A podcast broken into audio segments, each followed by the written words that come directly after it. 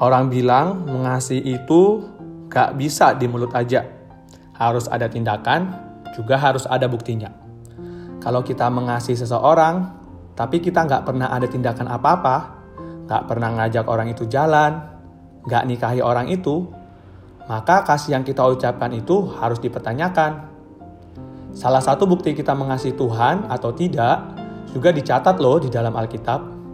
Ada di dalam Yohanes pasal 14 ayat 15. Jikalau kamu mengasihi aku, kamu akan menuruti segala perintahku.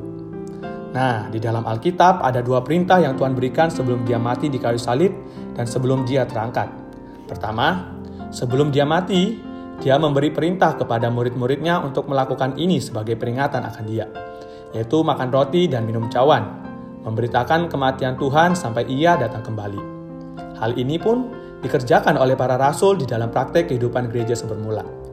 Kedua, sebelum dia terangkat di dalam Matius pasal 28, di dalam kebangkitannya, Tuhan memerintahkan murid-muridnya untuk pergi, menjadikan semua bangsa muridnya, membaptis mereka, dan mengajar mereka untuk melakukan segala sesuatu yang telah dia perintahkan.